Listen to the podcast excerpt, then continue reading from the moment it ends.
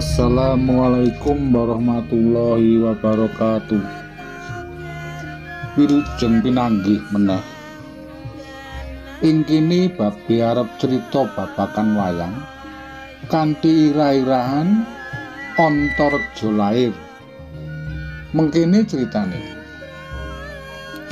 Sawise Prabu Puntadewa kanubatake pinangka raja ing negara Amarta, ya ing Indra Prasta, Prabu Duryudana rumangsa miris penggalihe. Awit negara Amarta katon luwih endah lan luwih kokoh tinimbang negara Astina. Banjur duwe niat pengin hanguasani negara Amarta.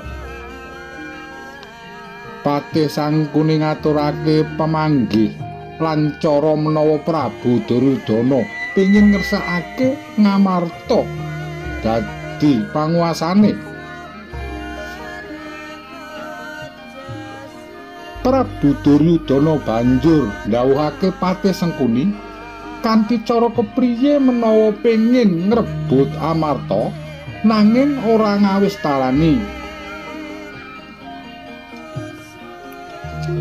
Adipati Karna banjur sumela atur ora nyarujuki menawa negara Amarta sing katemben wae dumadi awit menawa Pandhawa wis nrimakake negara Astina diijoli alas gung liwang liwung terus gumregut gawe negara.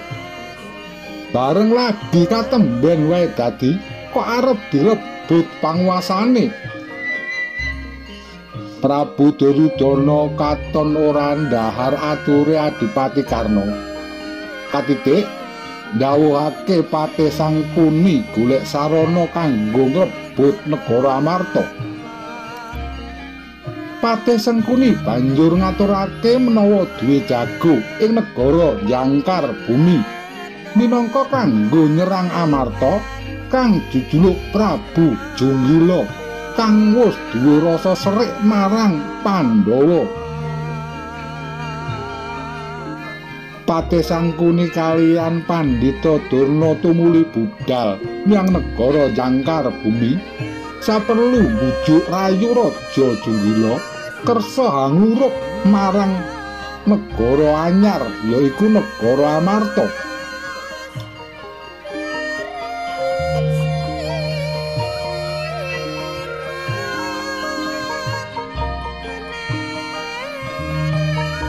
Raja Junggila kena bujuk rayune Patih Sengkuni katitik banjur ndhawuhake putrane kang aran Naga Bagindo sing kesaktiyane ngedap-edapi saperlu nganti wadya bala hangluruk perang marang negara Amarta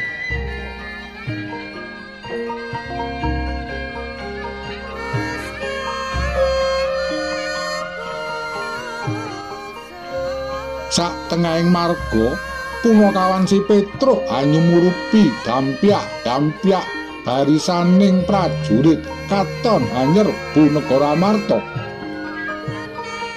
Petruk banjur age-age mlayu sipat kuping hamlebu kedaton matur menawa ana mungsuh sing bakal hanyerbu negara Amarta Prabu Puntadewa banjur minta pertimbangan marang Bathara Krishna. Prabu Krishna ndhawuhake Werkudara lan Arjuna ngadepi mungsuh kang katemben wae teka.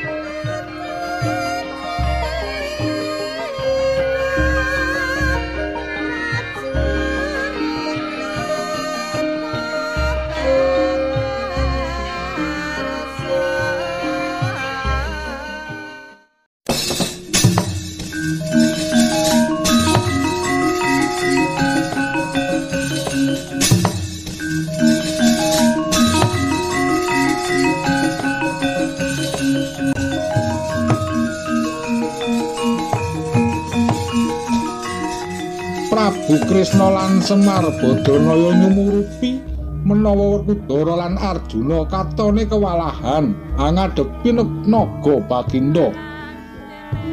Kyai Semar banjur antuk pituduh menawa kang bisa ngadepi kridaning Naga Bagindo Amung putra Werkudara kang ana sabta pertala wayah Sang Hyang Ananta Boga. Semar lan Prabu Kresna banjur sowan marang Sang Hyang Ananta Boga. Ing kono putra Ananta Boga yaiku Naga Gini nembe Anggarbini antarane pitung wulan. Kanthi pamateking Sang Hyang Ismaya ya Kiai Semar ana kaelokane kahanan jabang bayi kang dikandhut dening Naga Gini banjur kalahirake katon glewo-glewo mijil kakung.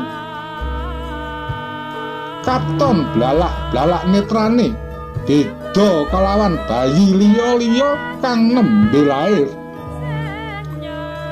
Ananta Buka banjur paring tetenger Bima Sunu.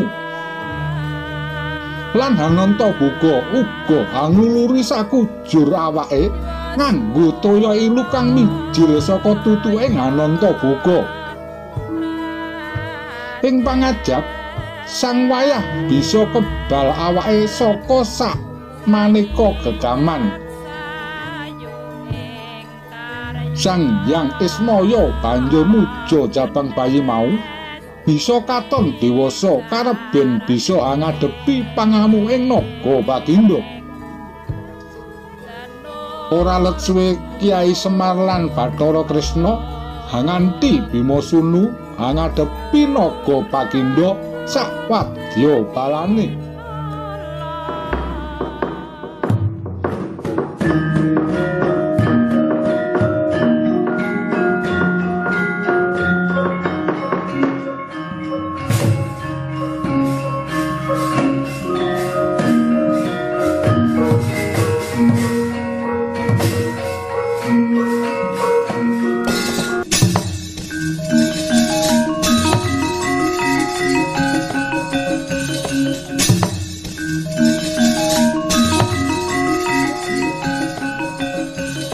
Sawuse naga Bagindo lan wadya balane wis kasirnakake dening Bima Sunu. Sukmane naga Bagindo hanukis marang ragane Bima Sunu. Sabanjure Bima Sunu angluruk ana ing negara Jangkar Bumi nyirnakake rajane Risan kang aran Prabu Junggila. Sak bubare raja Tunggila kasenakake dening Bima Sunu banjur praja jangkar bumi kaaturake marang Bima Sunu lan ing tembe dadi nalendra jangkar bumi kanthi sesebutan Antarja. Amung semene crita cekak babakan wayang kanthi ira-iran Antarja lair. Ana ing crita mau bisa kapetik pelajaran. Menawa manungsa iku wis kaparingan kadunyan kang luwih, mesti isih kurang baik. Mula wong kang kaya mangkono iku ora perlu den sira tiru. Cukup semene. Assalamualaikum warahmatullahi wabarakatuh.